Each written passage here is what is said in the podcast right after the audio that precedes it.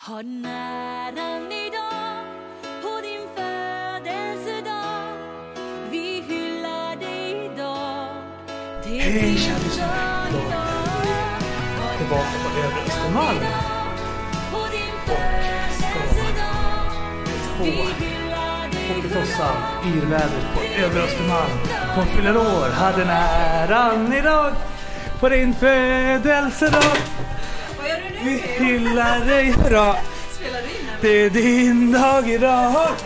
Hade nära idag på din födelsedag. Vi hyllar dig hurra. Det är din dag idag. Hej David! Vad kul att se dig! Hittat med tunnelbanan hit också. Ja precis, jag börjar hitta här i Stockholm. Jag känner mig jättestolt över mig själv när jag så här 13 mot Ropsten går via Östermalmstorg och då kände jag att det? Ja precis, ja ja ja ja ja. Snart är du en riktig stockholmare. Ja precis och sen så visste jag att det fanns proteinglass någonstans där på vägen så då tog jag den. Ja. Det är min favorit! Salted karamell. Den är jättegod. Theo, du skaffat dig en flickvän eller? Är det därför du kan så mycket om sådana här fina presenter? Nej men det där har Silla lärt mig. Jag och men David, hur kommer det sig att du är här idag? Ja, men eh, jag har blivit inbjuden. Jag fick ju komma tillbaka lyckligtvis efter förra episoden. Så det ni inte vet är att jag har startat poddavsnittet flera gånger per dag. För att liksom öka den här eh, alltså startcounten. Så att ni verkligen ska vilja eh, bjuda in mig igen. Och här är jag! Ja, vad spännande! Men vi kör vignetten så får vi höra vad David har att eh, berätta efter det. Men först så ska Thomas Hagenfors sjunga för dig Silla!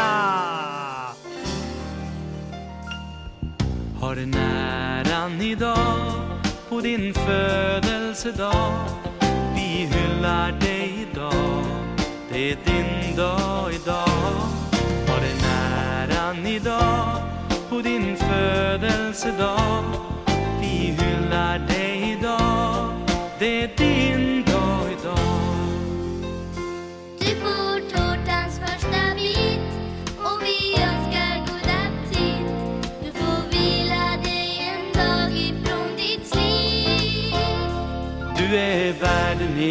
sång. Många blommor i ett fång. Och vi hurrar allihopa gång på gång. Du ska veta att du är Mycket äldre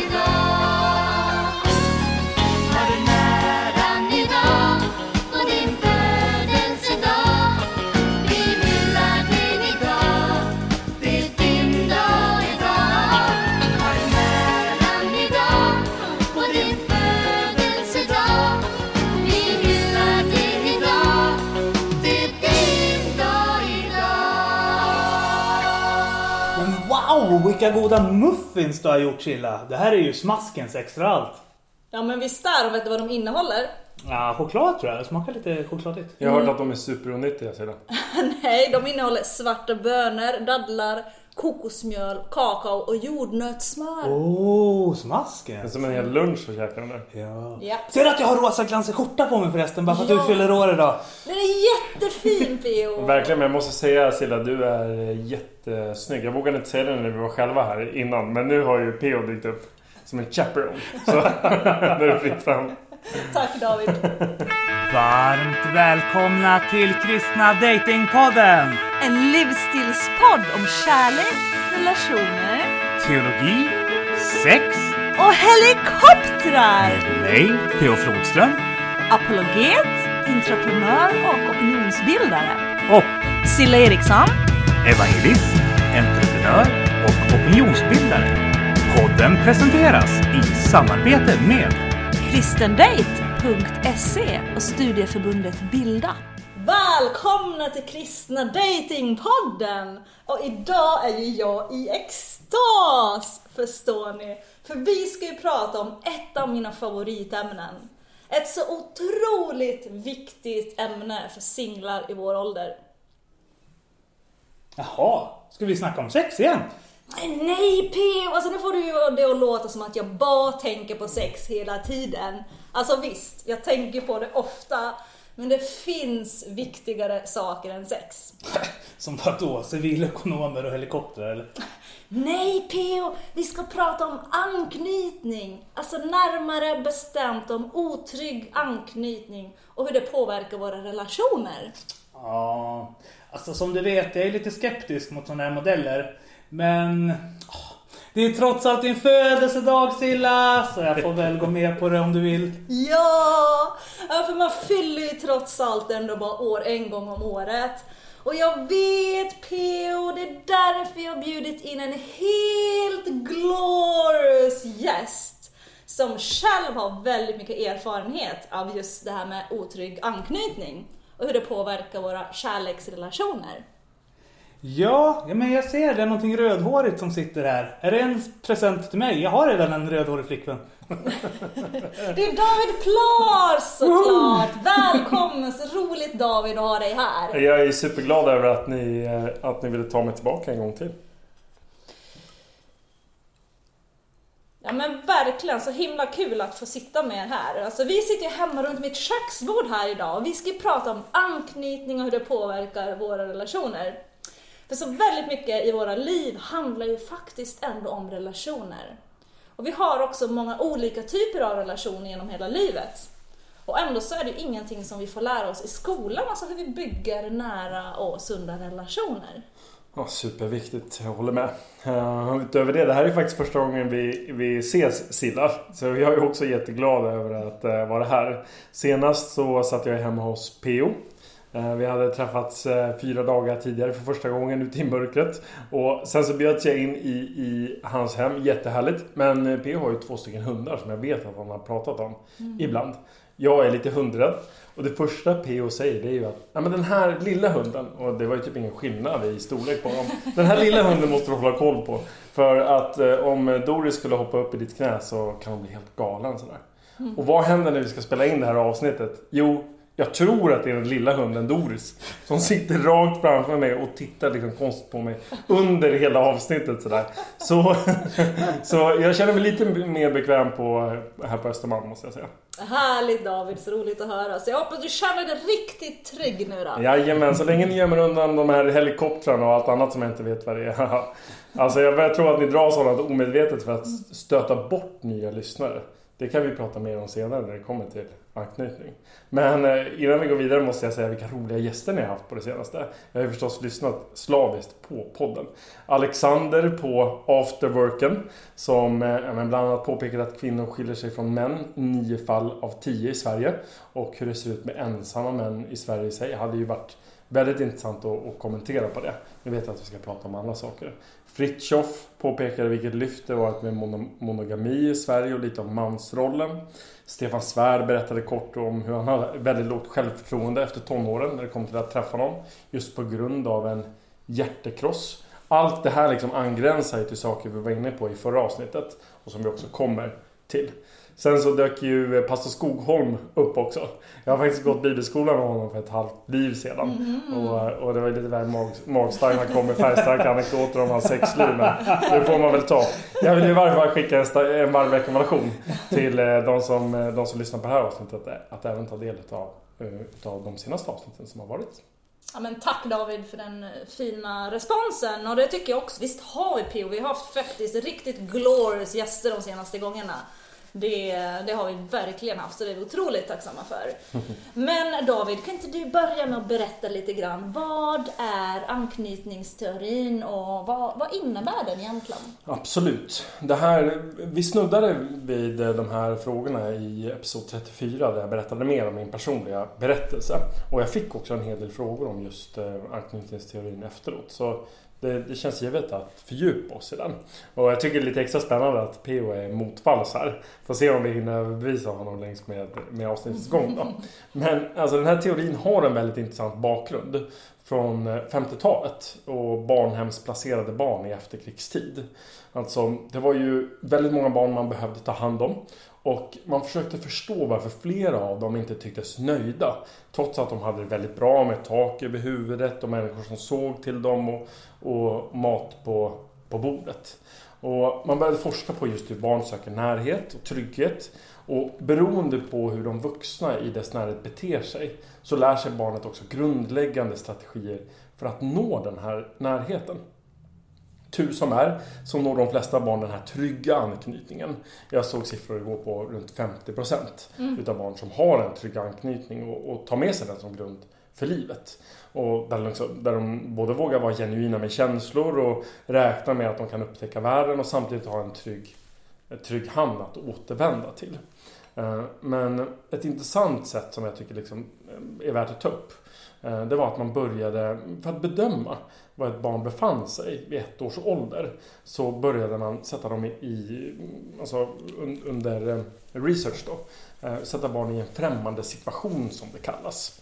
Eh, och den går till som så att barnet har med sig en förälder eller annan nära anknytningsperson och tar med barnet till en främmande miljö där det både finns leksaker som är tänkta att väcka ett utforskande beteende hos barnet och att sedan barnet vistas i miljön i ungefär 20 minuter. Och Barnet har då, under den här tiden så utsätts barnet för två separationer eh, på cirka tre minuter var från sina föräldrar. Och dels lämnas barnet, och då lämnas barnet med en främmande vuxen eh, vid det första tillfället och sen helt ensamt. Och de här separationerna antas aktivera barnets anknytningssystem eftersom det signalerar faran att bli lämnad av föräldern i den, den här obekanta miljön. Då. Och utifrån barnets beteende i den situationen så bedöms sen anknytningen. Och det finns tre huvudsakliga eh, anknytningsmönster. Alltså trygg anknytning, otrygg undvikande och otrygg ambivalent. Och när vi sätter liksom ord på hur det togs uttryck för de här barnen så kanske fler kan känna sig in i den situationen. För att ett tryggt barn blir ledset när föräldern går. Men blir också tröstad när föräldern kommer tillbaka. Och sen så fortsätter utforskandet efter ett tag när barnet känner sig tryggt på nytt. Men ett otryggt undvikande barn det verkar inte alls bli ledset när föräldern går. Och när föräldern kommer tillbaka så svarar inte barnet upp på något speciellt vis. Och det här kan man ju tro att det är liksom ett väldigt moget och självständigt barn. Men undersökningar visar sen att det är fullt stresspåslag inuti. Och det, det, det, det är liksom sorgliga i det här sammanhanget det är att barnet har lärt sig att kraftfulla uttryck inte belönas med närhet. Utan tvärtom att föräldrarna drar sig undan. Eller tröstar på ett sätt som inte hjälper barnet. Och i sig en hjärtskärande tanke. Men det gör att det här barnet lär sig att hålla känslorna inombords och inte visa dem utåt. Och det är ett otryggt undvikande barn. Eh, den tredje kategorin, otryggt ambivalent barn. Det utforskade inte omgivningen alls när de väl kom dit. Utan fokuserade hela tiden på föräldern. Och blev otroligt ledsna när föräldern lämnar. Eh, och man fick till och med ibland avbryta de här försöken för att barnet var så förtvivlat. Och det lät sig inte heller tröstas när föräldern kom tillbaka. Och det här förklaras då med att föräldern svarar oförutsägbart på barnets känslo, känsloutbrott och är bara tillgängligt ibland. Och det samspelet utgår inte från barnets behov. Och barnet behöver därför ha anknytningssystemet ständigt påkopplat. Eh, Och de här två senare barnen har inte en fullständigt emotionell kompass för att knyta an till andra människor. Och enligt teorin då så påverkar det sedan de här barnen i vuxen ålder. Ja men tack David för den bakgrunden. Det var verkligen ehm, spännande och intressant att få höra. Alltså våra anknytningsmönster sätts ju som du säger eh, i väldigt, väldigt tidig ålder. Och följer också med oss genom hela livet. Även in i våra kärleksrelationer. Och har vi som du säger inte fått våra emotionella behov tillgodosedda som små så är det ju, det är ju skitsvårt att skapa sunda och nära relationer i vuxen ålder. Eh, så det är, det är verkligen konstigt tycker jag att vi inte har fått lära oss mer om hur vi bygger hållbara, nära kärleksrelationer. Mm. Ja, men, ehm, tonen sätts ju tidigt när det kommer till anknytningsmönster. Sedan vill jag också lägga till, det finns mycket hopp för att förändra det här eh, mönstret över tid. Eh, många känner inte till det här om sig själva och därför är det så lärorikt att sätta sig in i.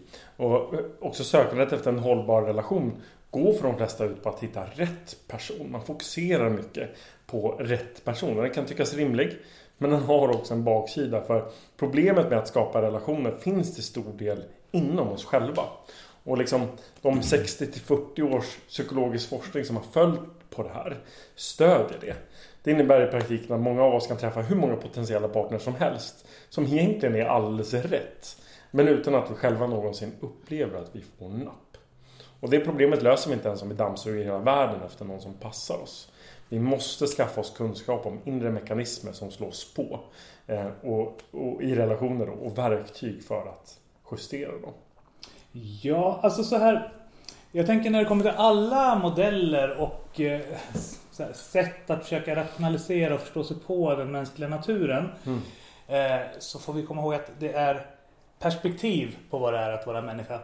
Eh, jag brukar prata till exempel om att eh, när vi som kristna närmar oss Gud så är det jätteviktigt att vi hela tiden har med oss att vi bara kan se en liten miljondel av vem Gud är.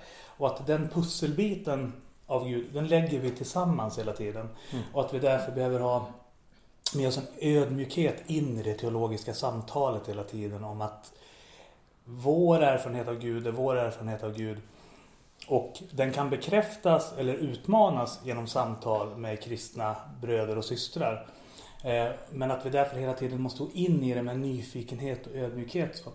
Och därför tänker jag att när det kommer till psykologiska modeller är det ungefär samma sak. Att de här modell- modellerna berättar om en aspekt av att vara människa och vår erfarenhet av hur de här modellerna gestaltar sig i våra liv berättar också en aspekt. Så. Men att jag, precis som när det kommer till en teologisk skola, kan vara lite skeptisk till att försöka ta, till exempel, bara för att ta ett praktiskt exempel. Ja. Eh, ni kommer ihåg kanske förra avsnittet, eller om det var förra, förra, när Andreas Skogholm berättade om att han blev rädd för mörker av att se vampyrserier och vampyrfilmer.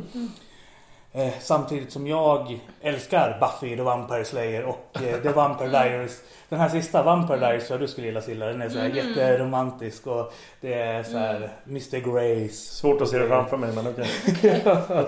ja men den äldsta Salvatore-brorsan, han är ju liksom en Christian Grey fast med vampyregenskaper. Så jag tror att Silla skulle kunna gå i full spinn på. Låter hemskt.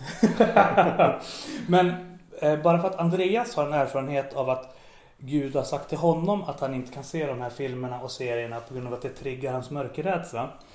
Så är ju det en kommunikation Gud har med honom. Eh, och det ska vi ju lyssna till eh, och beakta så. Men det betyder inte att han kan stå inför en församling och säga att ni ska icke kolla på vampyrfilmer på grund av att det är källan till mörkerrädsla. För det har han inte eh, evidens eller mandat till. Och, och, det är han ju väldigt, och det var han ju väldigt tydlig med också i det avsnittet när han pratade om det. Om att vi måste skilja mellan våra individuella brottsningsmatcher och hur Gud möter oss i dem och att sen göra församlingsteologi av det. Och jag tänker att det kan vara lite likadant med sådana här modeller. Ja, men det är ett bra perspektiv. Ska vi sätta PO på tunnelbanan direkt hem till, eh, till Borlänge?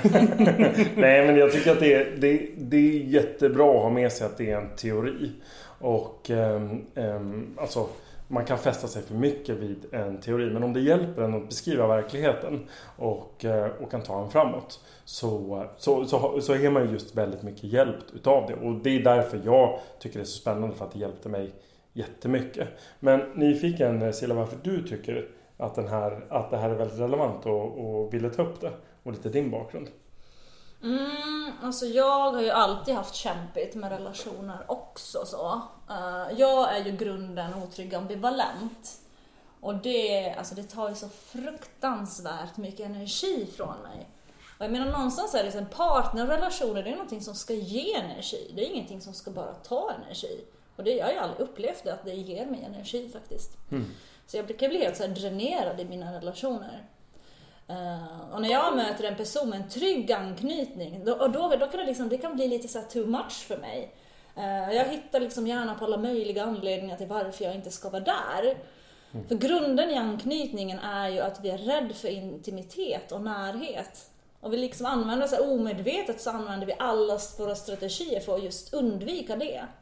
Så om det är någon som kommer som är liksom så supertrygg och som finns där för mig med närhet och då blir det så oj, oj, oj, oj, men gud vad du är på alltså. det blir lite för mycket för mig. För att vi vill, liksom, vi vill jaga hela tiden och vi, vi känner igen det från våran barndom. Det är därför det liksom känns tryggt för oss. Det. Och det kan ju vara så fruktansvärt frustrerande för mig för jag har ju jättefina män i min omgivning som jag vet skulle göra vad som helst för mig men jag, liksom, jag bara stöter bort dem för att jag tycker det känns awkward. Och då drar jag till mig de här männen som jag brukar, jag brukar benämna dem lite kanske-män. Men jag hörde att ni har pratat om det. Ah, Men du kanske kan ha en killgrupp för de här trygga, bra männen som finns i Sillas närhet. Ja, gärna och, och, och försöka tweaka. Jag tänker lite grann så här. Det finns ju två sätt att se på det här. Antingen så hittar vi en kille till Silla som är den här lugna, trygga, blå. Ja. Och som hon är attraherad av och får den kanske mannen att bli en yes man. eller, eller, eller så tar vi någon av de här trygga, bra killarna som redan vill ha henne. Och, och otrygg. förändrar dem. Ja men det är lite grann samma dilemma som... Eller förändrar mig kanske. Det är, mycket, ska vi det är, förändra föränd- dig? det är en förändring i mig. Mm. Ja, men så är det ju. Det är någonting som gör att jag inte attraheras av de här trygga, stabila männen som vill ha mig. Fast nu är det ju killgrupper som David har. Han har ingen tjejterapi. Ah, ah. vi får liksom använda, vi får liksom använda oss av de verktyg vi har tillgängliga. Jag håller med. Nej, men alltså, jag förstår att det här måste ta eh, jättemycket energi från dig. Och jag vet att du är en person som tar dig framåt medvetet. Nyfiken på vad du har gjort hittills för att hantera det här såret. Ja, jag, jag vet inte riktigt David vad jag ska säga. Alltså som sagt, min upplevelse är att jag alltid drar till mig män som känslomässigt eh, inte är tillgängliga för mig, som inte finns där. Män som har en otrygg undvikande anknytning. Och alltså jag blir inte klok på varför jag drar till mig de här männen. För jag menar innerst inne någonstans så vill jag ha en trygg man vid min sida som bekräftar mig, som ser mig, som investerar i mig och som alltid liksom finns där för mig. Um, men David, alltså kan inte du berätta lite så här för alla lyssnare som inte har koll på det här? Ja, men alltså, hur vet man egentligen alltså, om man har en otrygg anknytning? Ja, vi kan ju inte sätta någon av oss eh, ensamt i ett rum utan våra föräldrar i dagsläget och förvänta oss samma resultat som för en ettåring. Så det jag, skulle, det, det jag skulle vilja poängtera det är att just studera dina relationsmönster. Eh, till exempel, finns det aspekter av att du blir kall och drar, drar dig undan gång på gång så fort du träffar någon som det skulle kunna bli någonting med? Eller söker du partner som egentligen inte verkar kära i dig? Eller som är upptagna tagna på annat håll så att relationen blir omöjlig? Lät som att du var lite inne på det sidan. Eh, Tvivlar du gång på gång på dina känslor? Eller blir du starkt obekväm runt personer som hade kunnat passa för dig? Eh, Tror du att det är otur att du inte träffat någon ännu i 30-årsåldern trots att du har lätt för att relatera till andra människor? Men då kan du vara någonting på, på spåren. Eh, blir du stressad när någon visar intresse för dig och, och att du börjar göra omedvetna saker för att intresset ska upphöra? Men då, eh, då är det många flaggor som, som liksom klingar för mig om att det här kan vara någonting att sätta sig in i närmare. Men alltså en tanke som slår mig lite grann. Jag jobbar ju med arbetsmarknadsfrågor och så. Och där brukar vi ibland ställa frågan lite retoriskt. Vad är lättast att lära en eh, arabisk civilekonom svenska? eller att lära en svensktalande att bli civilekonom. Och jag tänker att vi står inför ett liknande dilemma här lite grann. Okej. Så, så, frågan, så frågan är då, är det enklast att eh, göra en kille som gillar Silla till en civilekonom eller är det enklare att göra en civilekonom till att gilla Silla? eller är det enklast att få Silla att gilla killen som gillar henne trots att hon, den inte är civilekonom? Du Ja, ja, många jag, jag kan svara på den själv. Jag tror att det är enklast att jag jobbar med mig själv till att bli helt trygg och att jag kan liksom falla för någon av de här med, trygga männen runt mig då. Okej, så att det är, Bra Sillas, svar, det, det, Ja, det är. Sillas otrygga anknytning vi ska jobba med. alltså. Ja, ja men Så alltså det är det. Man måste ju någonstans börja med sig själv. Jag kan inte liksom förändra någon annan. Man måste alltid börja titta inåt på sig själv och Ja. lösa de problemen som finns där. Så ifall du är en sån kille som gillar Silla så kan ni skicka ett bidrag till mig på Swish 070 96 98 135. Jag kommer att investera de här pengarna i stiftelsen David Plash Mans Club. Glorious, glorious Mans Club. Och David kommer då att jobba med Silla så att hon gillar någon av er. Och det kommer vara säsong 3 av Kristna Datingpodden. Det kommer heta Bachelorette. Så att då kommer jag ta med, jag och David kommer ta med oss er ut i skogen. Och där får ni jaga, fiska och bygga tiny houses tillsammans i åtta veckor. Ja! Medan vi filmar det här. Och i slutet av det här programmet så kommer Silla att välja ut en av er till Groom to be 2022. Vi har ju faktiskt ett möte med Anders Wist här om eh, några veckor. Vi kanske kan sälja in det här som ett eh, program då. Alltså Theo, tyckte du att det var för seriöst det här eller? Så att du behövde liksom problematisera det här och, och, och, ploja loss? Nej men jag tror att det här kan vara ett ganska bra programkoncept. Ja, okej. Ja. Så som sagt, om ni delar eh, min bild här så når ni mig på Swish. Jo men jag kan utröna flera seriösa strömningar i allt det här som du sa. Så det känns som att du börjar värma upp, börjar värma upp lite för de här tankarna. Ja, skönt att höra. Men eh, David, kan inte du så här beskriva så här några konkreta åtgärder? Alltså, vad kan man ta till om det är så att man faktiskt har landat i att man har en eh, otrygg eh, anknytning? Ja. ja, men det finns mycket man kan göra och ehm, alltså, man behöver inte vara i en relation för att göra dem. Snarare är det, enklare att komma till bukt med de här utmaningarna utan att vara i en relation. För att du, för, för liksom, eh, du riskerar att fördjupa dem Eh, med själva relationen och återupprepa mönster som, som blir problematiska för dig då. Eh, något jag vill lägga till bara i, mm, angående det vi pratade om tidigare. Så ser jag väldigt många, eh, många bland mina vänner som bär på spår utav den här anknytningsproblematiken. Det handlar inte bara om hur du har upplevt din barndom. Utan det finns ju liksom en viktig aspekt där under tonåren när du börjar relatera till det motsatta könet. Eh, där du kan gå igenom väldigt traumatiska upplevelser där liksom hela ens hjärta känns som att det ska brista.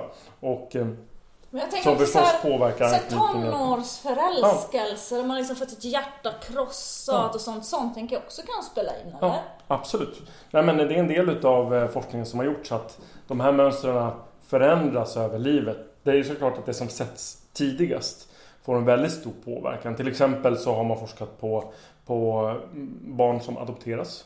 Det finns på 1177 en, en egen avdelning om anknytning när det kommer till adoptioner. Ehm, Det spelar roll när det kommer till förskola och, och inskolning och vad man blir mött av där. Och sen kan det påverkas genom livet då.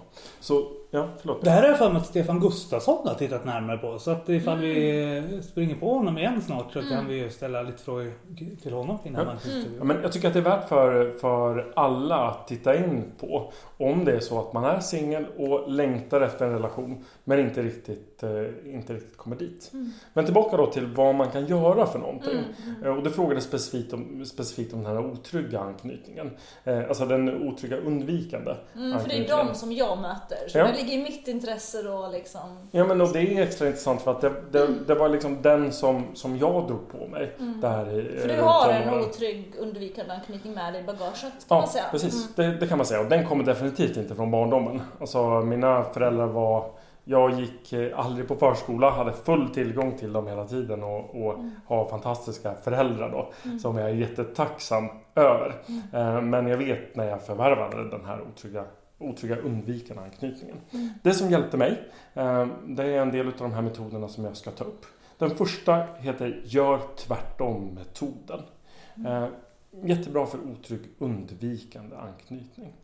Eh, I vissa situationer som du identifierat som problematiska, där du märker att du gång på gång gör tvärt emot vad, vad som egentligen är, är, är, är logiskt eller som ger ett bra resultat.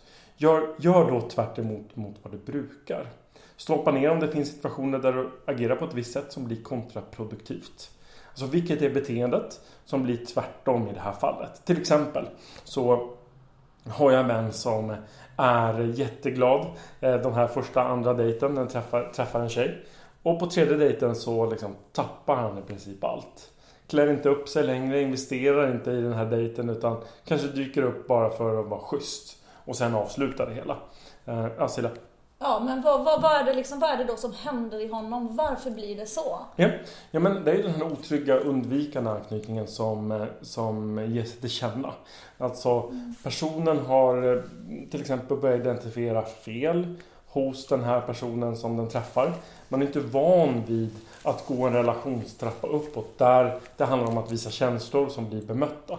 Utan personen börjar stänga av sina känslor. Precis som man gjorde i, i barndomen för att, inte, eh, för, för att inte göra föräldrarna arga till exempel.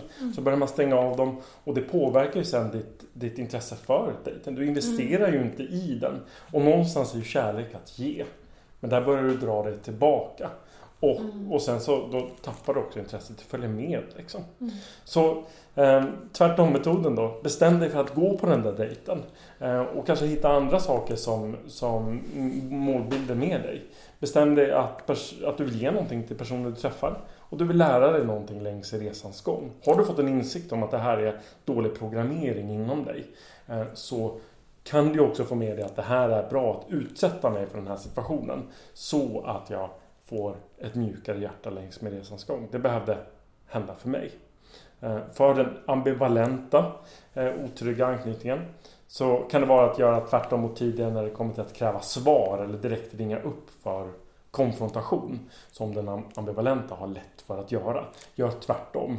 Eh, tänk inte att du direkt behöver ringa upp och kolla vad personen har varit utan, utan eh, gör någonting annat i den situationen. Jag börjar bli lite torr i halsen. Ja men vilken tur att jag har champagne i kylen. Jag fick en sån här rosa flaska champagne. Så jag tycker vi korkar upp lite champagne här hörni. Ja, men då kan vi lyssna på veckans låt under tiden. Ja, Ja, vet ni vad det är? Det är någonting alldeles glorious. Är det? Ja, det Vi är ju det- alltid glorious musik här i Kristna Datingpodden. Ja, det, det, det är sant, Ja. det är sant. Men det är din kompis Ella. Är det? Ja, Jag har många kompisar, det- vem av dem? Ja, Men det är Annie, Anna Maria Bergqvist från Lugnetkyrkan. Ja, hon är i och för sig hon bor i Göteborg nu men vi har varit med i samma församling. Ja, hon har gjort en tolkning av Pärleporten tillsammans med Jeanette Alfredsson från Stockholm, Philadelphia. Ja, Den är asbra. ja men det kan jag just tro. Ja, så vi lyssnar på den medan vi dricker lite rosa champagne och eh, David får fukta strupen lite grann. Ja. Absolut. När vi Och- pratar så mycket om Dalarna här, det är faktiskt något vi har gemensamt. Så liksom växte gamla klacksånger för Leksands IF. Är det okej om jag drar på den här Vi kommer från Dalarna Ja, och dansar. Daladans? Ja, men får vi höra den först? Vi kör två veckans låt. För vi kommer från Dalarna, kommer från Dalarna och dansar Daladans, Daladans, Daladans, Daladans. Vers två. För vi kommer från Dalarna, kommer från Dalarna och Dalarna är vårt, det är vårt, det är vårt, det är vårt. Kan, kan, du, kan, du, kan du Brage-sången också? Nej, jag kan inte vänta. Funka en kurv så hoppar jag i elva Funka en kurv så hoppar jag i elva Funka en kurv så hoppar jag i elva i Kopparberg Woo! Och sen är det någonting om Heja Brage. Men som sagt, ni ska få lyssna på någonting mer underskönt än oss. Ni ska få lyssna på Jeanette Alfredsson och Anna Maria Bergqvist med sin tolkning av Han har öppnat Pärleporten Bring it.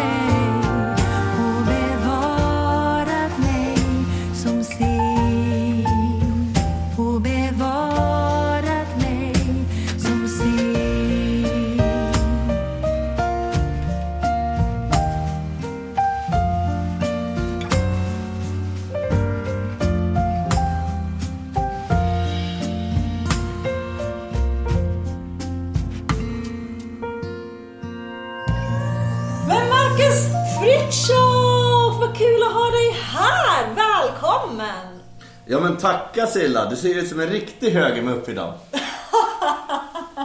Ska du säga, det ser ut som en SD-bonde som har klätt upp dig. Ja men grattis på födelsedagen i alla fall. Ja men tack snälla du. P.O. vad är det som händer här? Har du kallat in Fitchoff för att du känner dig i underläge gällande anknytningsteorin så? Ja, jag ska jag- sitta och hålla med dig. Ja, men jag kände det att jag behövde en riktig folklivsforskare som är certifierad av Flashback.org. Ja, men så roligt Ja, roligt. att gästerna börjar trilla in här nu. Ja, får jag prata vidare om eh, punkt nummer två då? Ja! Ja, vi är ju inne på eh, konkreta åtgärder som kan hjälpa en att ta sig ur, ta sig ur en otrygg anknytning, eller åtminstone hantera den. Då. Och eh, den andra punkten eh, heter bilfärden. Och det du ska tänka dig här är att du är på väg mot ett mål längs en bilväg. Men det dyker upp vägskyltar som vill locka dig åt ett annat håll. Och de här vägskyltarna representerar tankar och känslor som uppstår när du bryter mot gamla mönster. Alltså de här, du kan läsa de här skyltarna men inte göra som de säger. Till exempel en signal som kan dyka upp. Eh, det här fungerar inte. Eller jag känner ingenting för den här partnern. Eller jag måste hitta den rätta. Och de här dyker ju faktiskt upp med stor sannolikhet för att du försöker blockera smärtan. Och att du trots allt är på rätt väg. Och det enda sättet att återkänna något Det är att utsätta dig för närhet och se vad det tar vägen. Alltså håll dig på vägen, läs inte skyltarna, eller läs skyltarna men lyssna inte till dem så att du tar av, utan fortsätt framåt. Och det är bilfärden-metoden. Silla? Ja men jag tror det här är så bra. Det är lite så här KBT-tänk här. För det handlar, KBT handlar väldigt mycket om att man ska utsätta sig själv för det man är rädd för. Och det är lite det tänket här också. Så. Eh, Den, eh, den tredje metoden, tredje och sista, den kallas den lilla och stora människan. Och den här är bra för de båda undvikade, undvikande typerna. För en ambivalent, eh, otrygg ambivalent, har väldigt lätt för att vara i sina känslor. Kommer ni ihåg det här lilla barnet som hade, hade, hade sin anknytning påslagen hela tiden och levde väldigt mycket upp i sina känslor. Medan den otrygga undvikande inte vågar känna känslor. Och den lilla och stora människan handlar om att dela upp känslor och tankar och fråga var och en eh, i tur och ordning. Um, och då blir det lättare att balansera mellan dem. Så det är helt enkelt så att du vänder dig till två personer inom dig. Den, den eh, stora människan är liksom hela tänkandet och lilla människan är känslorna. Du kan fråga en i taget. Okej, när jag analyserar det här nu, vad tänker jag då? Hur, hur mår jag? Vad är logiskt i det här sammanhanget? Tycker jag, skulle den här partnern kunna passa för mig? Rent logiskt. Ja, men, Eh, för en otrygg undvikande kommer att eh, känslorna kommer att säga men stick härifrån. Eller det är något som inte fungerar eller något som inte passar. Men om du pratar med ditt logiska jag så kan du ändå komma fram till att men jag stannar kvar och jag fortsätter att träffa den här personen. Och tvärtom då för den här undvikande, otrygga, otrygga ambivalenta som eh, direkt vill ringa upp och kolla men den här personen har inte hört av sig på en halvtimme nu. Jag måste få bekräftelse på var personen befinner sig. Då kan du prata med eh, då kan du prata med ditt logiska jag och komma fram till att okej, okay, det finns massor med anledningar till att personen inte, kanske inte har hört av sig. Och det är ju inte logiskt att en person ska höra av sig varje halvtimme. Jag väntar till imorgon och eh, lägger telefonen på tyst läge. Och det är ett exempel på hur man kan jobba med den lilla och stora människan. Alltså det här är så bra David. Jag tycker verkligen att de som lyssnar ska ta till sig av det här. För jag har också själv tillämpat en del av det här. Jag vet att det hjälper. Och det är en, det är en träningssak att ta sig ur det här och bli trygg. Eh, men David, kan inte du berätta lite om din historia? För jag vet ju att du har haft en otrygg undvikande anknytning. Eh, hur tog den sig uttryck och hur gjorde du för att bli trygg i kärlek? Ja men en jättebra fråga. Alltså ju mer jag har tänkt på det här desto mer kan jag fundera på om min anknytning kanske till och med blev den fjärde typen som vi inte har tagit upp. Som kom fram senare i den här teorins uppbyggnad som kallas desorganiserad. Eh, den, och en des, desorganiserad har i sig underliggande antingen trygg, undvikande eller ambivalent som grund, vilket kanske visar på komplex, komplexiteten. Men den kom alltså eh, fram senare i teorins utformning efter att barn uppvisat motstridiga beteenden i anknytningen tätt in på varandra. Barn till exempel som kunde närma sig föräldern med utsträckta armar för att sen tvärt backa undan. Eller backa fram till föräldern och sätta sig i knät men titta åt ett annat håll. Plötsligt frysa alla rörelser och stå blickstilla eller falla till marken och bli liggande där med frånvarande ansiktsuttryck. Och det är väl ett, eh, det, det, det gestaltar väl bra en del av de katastrofala dejterna som, som jag hamnade i, stackars tjejer. men, eh, men nej, jag landade i en otrygg eh, undvikande anknytning. Och det tog, tog sig uttryck för min del eh, på det här viset i korthet. Vill du lyssna till hela historien så, så kolla gärna på, lyssna gärna in episod 34. P.O. Men alltså det låter som att du var en ganska komplicerad kille ändå i gymnasiet. Så, som en sån här popkille. Så jag måste bara fråga lite kort här.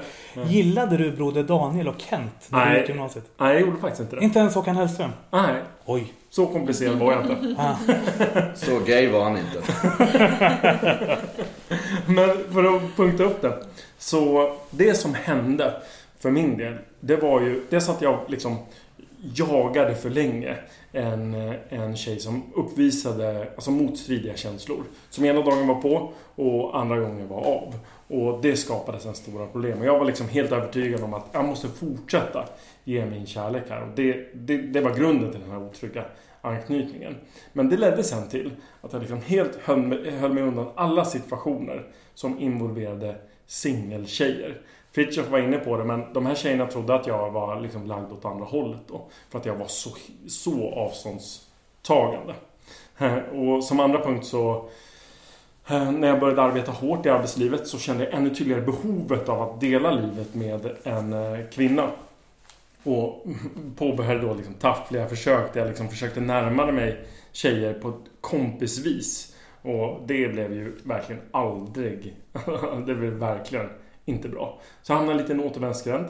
Började inse att okej, det är någonting som slår av hos mig eller som blir fel när jag närmar mig tjejer, tjejer på nytt. Då. Så jag började ta del utav kunskap på området. Jag läste boken Hemligheten från ögonkast till varaktig, eh, varaktig relation. Och eh, liksom fick en insikt att jag behövde börja göra tvärtom. Och det här in, in, I kyrkan är vi ganska känslobaserade. Och vi utgår ibland från att våra känslor alltid eh, hjälper oss rätt. Men jag lärde mig att känslorna i det här fallet eh, lär, eh, alltså, de, de ledde mig fel. Och det var en början, en sjukdomsinsikt som sen kunde ta mig vidare. Ja, jag tänker den här boken också, Hemligheten. Jag har läst den och jag tycker det är en jätte, jättebra bok. Så det är också kanske ett tips till alla som Ja, lyssnar att läs den boken. Jag tror att det är en väldigt bra början om man är fast i det här med otrygg anknytning, att man läser den boken. Ja, definitivt.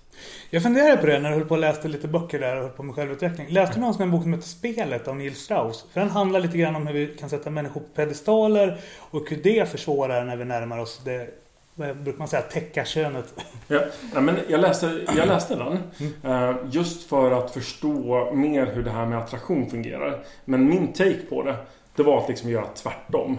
Så att jag, jag trodde att jag skulle skydda de här tjejerna från samma jobbiga känslor som jag fick genomgå. Genom att på något sätt försätta dem i en situation där de inte längre ville ha mig och sen börja jaga. Och det är, det är typiskt det med den otrygga anknytningen. De här barnen som behövde jaga uppmärksamhet av sina, sina föräldrar och nästan bli förvirrade om någon ger dem mycket trygghet. Som du Silla var inne på också. För att gå vidare i vilket fall då. Mm. Så släppte jag sen på, på hela vänaspekten och började istället liksom aktivt visa intresse. Men på ett lite överdrivet sätt. Som för att gallra bort de som inte skulle kunna hantera det. Och eh, fick ett gradvis mjukare hjärta. Som gjorde att, det, att jag till sist kunde träffa någon. Så pass tydligt att hon blev min, min flickvän då. Och som sista punkt på det området så har jag sen behövt ha mycket fokus. Alltså på den här relationen. För att, för att de här mönstren inte skulle komma emellan oss. Till exempel så behövde jag gå ner från 55-60 arbetstimmar i veckan och jobba 40 timmar. Jag tog tjänsteledigt en månad per år så att vi ba, bara, bara, så att vi bara kunde ha tid med varandra just uppe i, i Dalarna då, och fortsätta bygga vår relation. Och min fru kommer från liksom, en otrygg ambivalent anknytning. Och de här två kan, kan dras till varandra. Hon fick börja förskola redan i 10 månaders ålder, som man gör i Danmark. Och berättar själv hur, hur, liksom, hur otröstlig hon blev när hennes mamma lämnade henne. Och det har tagits uttryck i vår relation. Så vi har helt enkelt lagt mycket tid på att få det här att fungera och behövde börja med en insikt om, om, om utmaningen. Mm. Och det tror jag många kan känna igen sig också. Jag gör ju också så. Jag har ju alltid dragit till mig män som är otrygg undvikande och det är väldigt lätt att vi som är, har lite av en otrygg ambivalent anknytning just drar till oss de som är undvikande. Så det blir en ganska utmanande match Visst. för en sån som mig som verkligen behöver bekräftelse och, och så att eh, ha en partner som är väldigt, väldigt undvikande. Eh, Den är ju faktiskt inte helt lätt. Ja.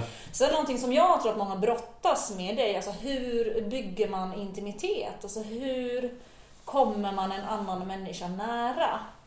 Jag tror att många har liksom sårade hjärtan och därav kanske också svårt att liksom våga släppa in en annan människa i sitt liv.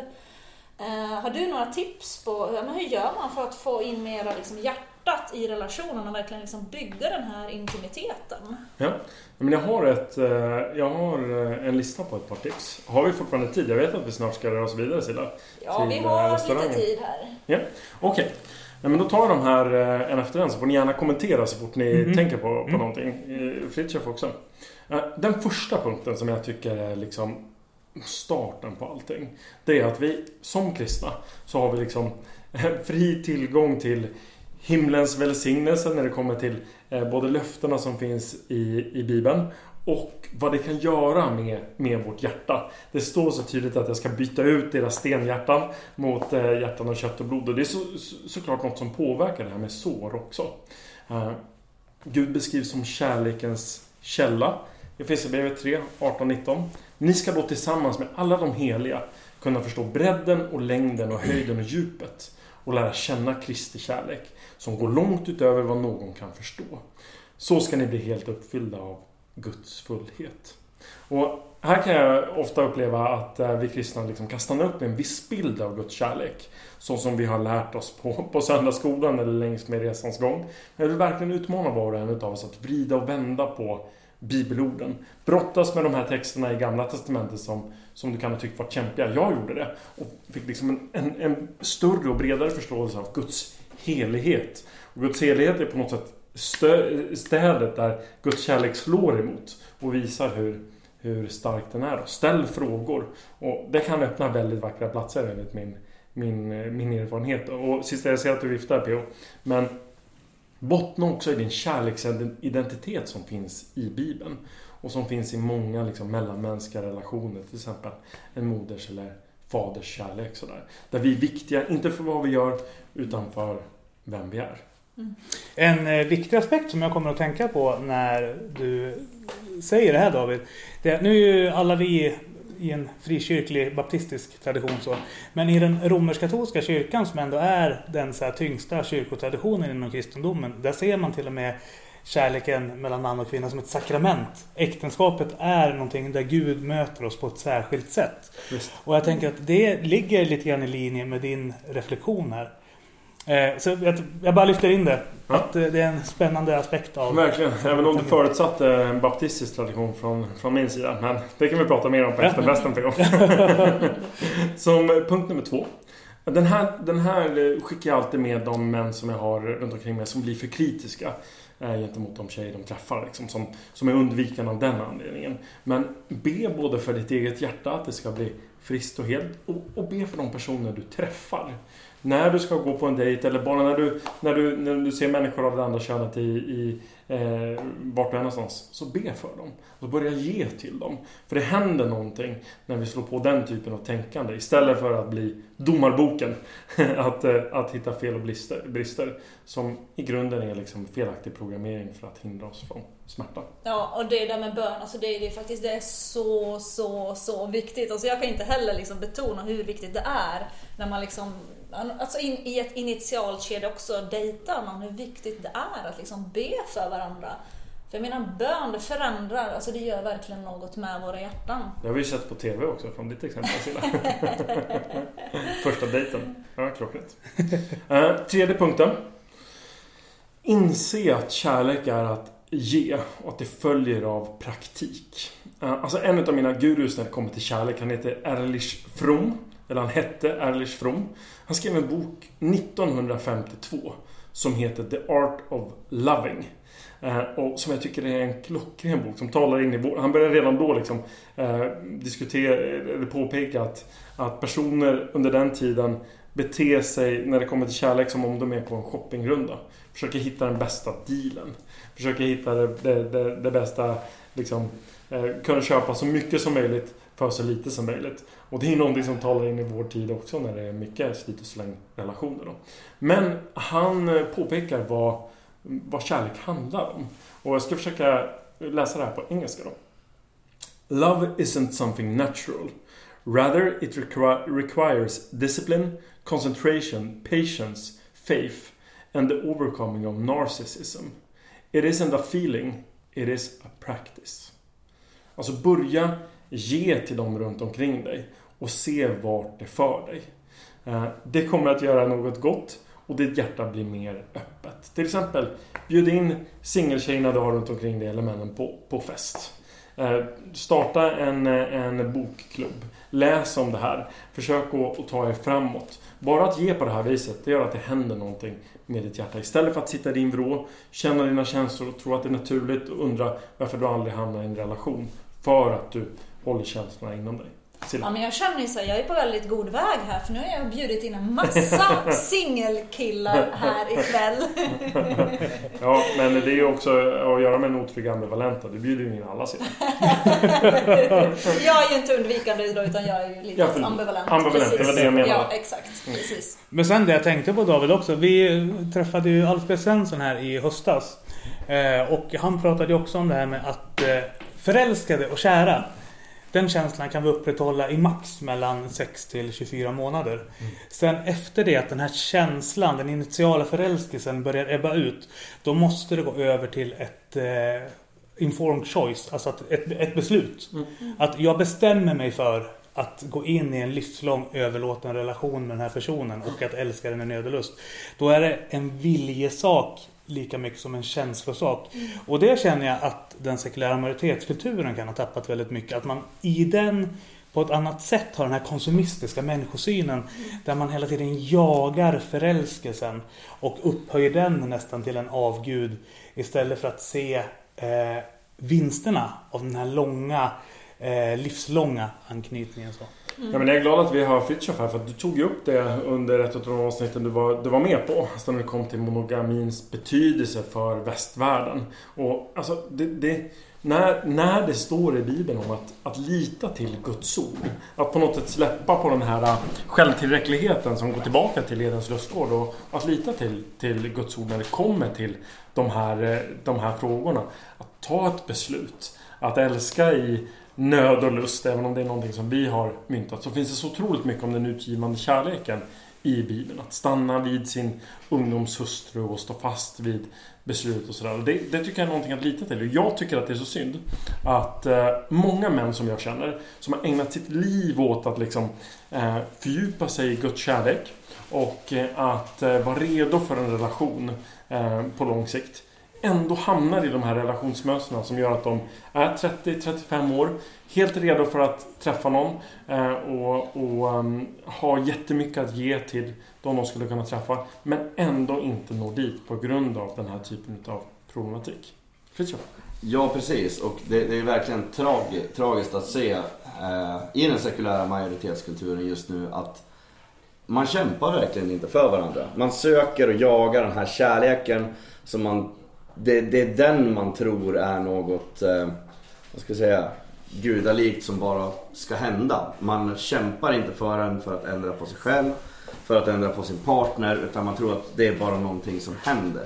Sen när man väl är i ett förhållande eller ett giftermål så vårdar man inte det på rätt sätt. Och när, man, när då kärleken försvinner då kämpar man inte för varandra utan då slänger man bara bort varandra som ett konsumtionsmönster. Man slänger bort varandra som man skrotar en bil.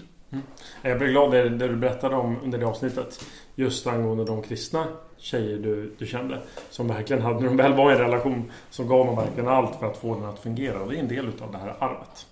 Hävdar inte du också Fritiof att det finns kopplingar till vår sexualitet i det här? Just att desto mer sexuella partners vi har, desto svårare verkar vi ha att knyta an till varandra. Ja, det finns en eh, väldigt stor och bred undersökning som man gjort i USA. Eh, den testade bara kvinnor. Men den visade på att om du har haft 20 sexuella partners så hade du 95% risk att inte kunna ha ett lyckat förhållande. Eh, Eller giftermål. Och lyckat i det här fallet innebar att du hade ett förhållande eller giftermål i fem år. Så att efter 20 partners så är det 95% sannolikhet att du kommer inte fixa det. Och det här är ju helt skrämmande för jag kommer ihåg eh, när jag var klubbmästare på Gävle studentkår, jag tror det var 2007. Så var det en undersökning som visade att vid 25 års ålder så tror jag killar hade i snitt haft 28 sexuella partners och tjejer hade haft eh, 22 eller någonting. Och det är vid 25 års ålder så. Och kollar jag på hur det ser ut i min bekantskapskrets, då stämmer verkligen det här. Men nu börjar det ju droppa in gäster här så nu, nu tror jag nu får vi speeda på lite här. Absolut. Sex punkter kvar. Jag, jag, jag var inte beredd på att Fritiof skulle komma och, och bereda sin visdom. Men eh, punkt nummer fyra. Ta med dig rätt hopp om en förändring. Det finns stor förändringspotential i vuxna människors anknytningsstil. Jag läste en, sti- en studie med 442 vuxna kvinnor som genomgått en traumatisk upplevelse och det undersöktes hur deras anknytningsstil hade förändrats två år efter det tillfället. Och det visade sig att endast 54%, alltså mm, ungefär hälften, hade samma anknytningsstil vid det andra mättillfället. Och det är också värt att ha med sig att vuxna som har, som har förvärvat trygghet, alltså som inte var trygga från början, eh, de kan ändå få barn med en trygg anknytning i precis samma utsträckning som de som hade en trygg anknytning från början. Eh, Ja, Men ändå, det du säger nu David, att det tar två år att förändra en eh, destruktiv anknytning. Jag ska inte säga det. det. Det var ju två år som det andra undersökningstillfället var. Och att det då hade förändrats i, i så, så, många, så många fall. Punkt nummer fem. Det kan också vara viktigt att tacka av sin anknytning. Den har säkert skyddat dig från smärta tidigare under uppväxten. Eh, men berätta att du inte behöver den längre. Eh, utan att du är beredd att gå mot den trygga anknytningen där du är öppen och sårbar. Och det för oss in på punkt nummer sex. Träna på sårbarhet. Istället för att kritisera den du träffar, berätta vad du behöver och skriv ner det du, det du tycker om. Och det måste ju verkligen, alltså det måste ju vara något av det absolut svåraste för en otrygg undvikande. Alltså att liksom så här berätta för en annan människa vad man behöver. Att jag behöver den personen. För det är ju verkligen då man liksom bygger den här intimiteten. Jag håller med, det är jättesvårt. Ja. Sen så tror jag också att vi måste bli bättre inom kyrkan att se på varandra som människor också. Och inte tänka att all form av sekulär kunskap är oandlig. Att allt går att lösa genom själavård eller andra vägledning. Exakt. Utan att eh, liksom en terapeut är ett komplement till eh, samtal med pastorn eller parterapi i kyrkans miljö. Så. Mm, Det är därför att jag i några av mina mansgrupper har helt förbjudit religiösa floskler. Mm. Jag var en bön tidigt i början och en bön i slutet och sen så diskuterar jag vad det innebär att vara man och läser böcker om det. Eh, För att ta ett exempel. Just för att man lätt kan bli överhandlig. Är du frikyrkans svar på Alexander Bard kanske? Det låter som det. Har du mansläger också? Gärna det. Eh, Punkt nummer sju. Gå just till en terapeut. Som kan ge dig rätt förståelse för vad som bor i ditt hjärta. Eller som, som vi talar om inom kyrkan, själavård. Eh, Det är definitivt något som, som, som kan hjälpa till. Men är det någon speciell typ av terapeut man ska gå till? Är det bara så här, ja men jag går till eh, vårdcentralen och träffar en psykolog eller hur ska man tänka där? Ah, ingen aning. Jag eh, lyssnade inte till det här rådet. Jag kan tänka mig att det är många som inte gör det för att man är rädd för vad som dyker upp eller tycker att det är en stor grej. Jag önskar att jag hade gjort det. Det hade besparat mig mycket smärta. Mm, det där tror jag också att bestämmer man sig för att ta hjälp är det också viktigt att man går till någon som har den kunskapen. På samma sätt som att du går inte till en eh, halsdoktor om du har ont i magen. Utan Absolut. att man behöver gå till någon som har den eh, kompetensen att hjälpa dig med just anknytning. Ja, men jag håller med. Åttonde punkten. Läs böcker eller lyssna på poddar om anknytning. Alltså det gav mig en sån wow-känsla att läsa den här hemligheten och förstå att mitt hjärta stängde av. Och varför det gjorde det. Ja, och den boken tycker jag verkligen vi ska rekommendera våra lyssnare. Den heter, vad är det den heter David? Den är så krånglig titel. Den heter Hemligheten från första ögonkast till varaktig relation. Mm. Ja, men den, den kan vi verkligen rekommendera alla att, håller att läsa. En väldigt bra bok. Jag har inte läst den så jag kan inte rekommendera den. Men eh, jag litar på Sillas omdöme. Ja, jag läste den flera gånger faktiskt. Punkt 9. Det går in på det vi, det vi nämnde tidigare. Alltså kärlek är ett beslut. Det är både ett beslut, det är liksom en, en, ett löfte och det är definitivt inte bara en känsla. För är det bara en känsla, då skulle det inte vara någon bas för det här, det här löftet om att fortsätta älska varandra genom livet. En känsla kan komma och gå. Och eh, hur kan liksom jag bedöma att jag kommer stanna för alltid eh, om, jag inte, om, om, om jag inte är beslutsam kring det. Och där, där, där vill jag skicka med dig, om du längtar efter en relation så kan du lita till, att, till Guds ord där det står att det här är bra för dig. Så välj att älska, även om känslorna lurar dig. Börja älska, börja ge och eh, ditt hjärta kommer att öppnas upp. Det är inte så att bara för att du går på en dejt med en person så kommer du gifta dig med den personen. Det är en del som är väldigt rädda för det. Och så stannar vi i någon sorts liksom, nästan skamkultur när det kommer till att dejta. Det är ju världens mest naturliga sak. Din, din kompass förändras längs med resans gång när du, när du tar de här stegen. Ja, visa, visa. Du är så vis David. Du mycket visa tankar faktiskt. Ja, och det där är ju samma sak som relationen med Gud. Eller eh, en eh, professionell relation när du ska driva ett företag tillsammans med någon.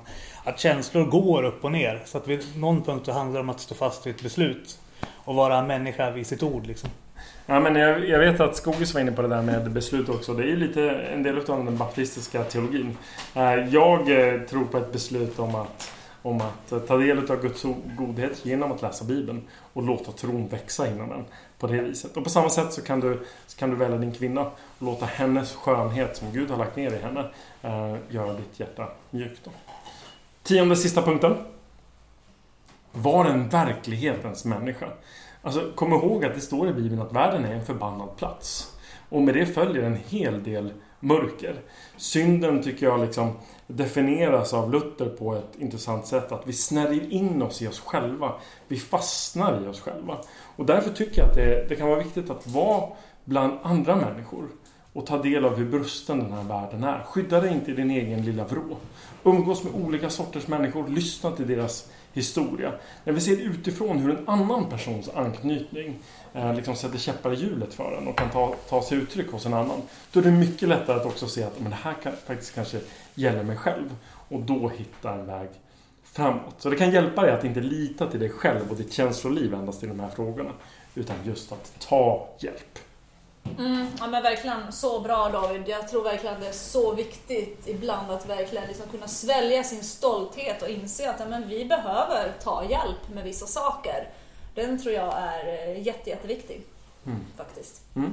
Ja, men nu, nu blev det ju väldigt mysigt här på slutet. Jag hade ju planerat att vi ska ta upp den här beefen Silla. Kör hårt David! Nej men som jag pratade om i det förra avsnittet. Men jag inser, jag inser att vi inte hinner med. Okej, det. så vill ni höra om Davids beef med Silla?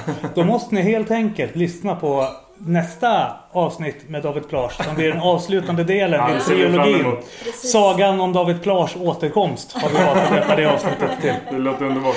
Men så med det våra vänner. Ja, för nu ska vi vara, vi har 10 minuter på oss tills vi ska vara på middag på um, Villa Gull. Det är så roligt att eh, ses allesammans. här Ja, men eh, då kanske vi ska bara passa på att önska alla våra lyssnare Kör hårt! En stor puss och kram! Stort tack för att du har lyssnat på Kristna Datingpodden. En livsstilspodd i samarbete med kristendate.se och studieförbundet Bilda. Mig, Silla Eriksson och Med mig, Theo Flodström. följ oss på kristendate.podbean.com och Spotify.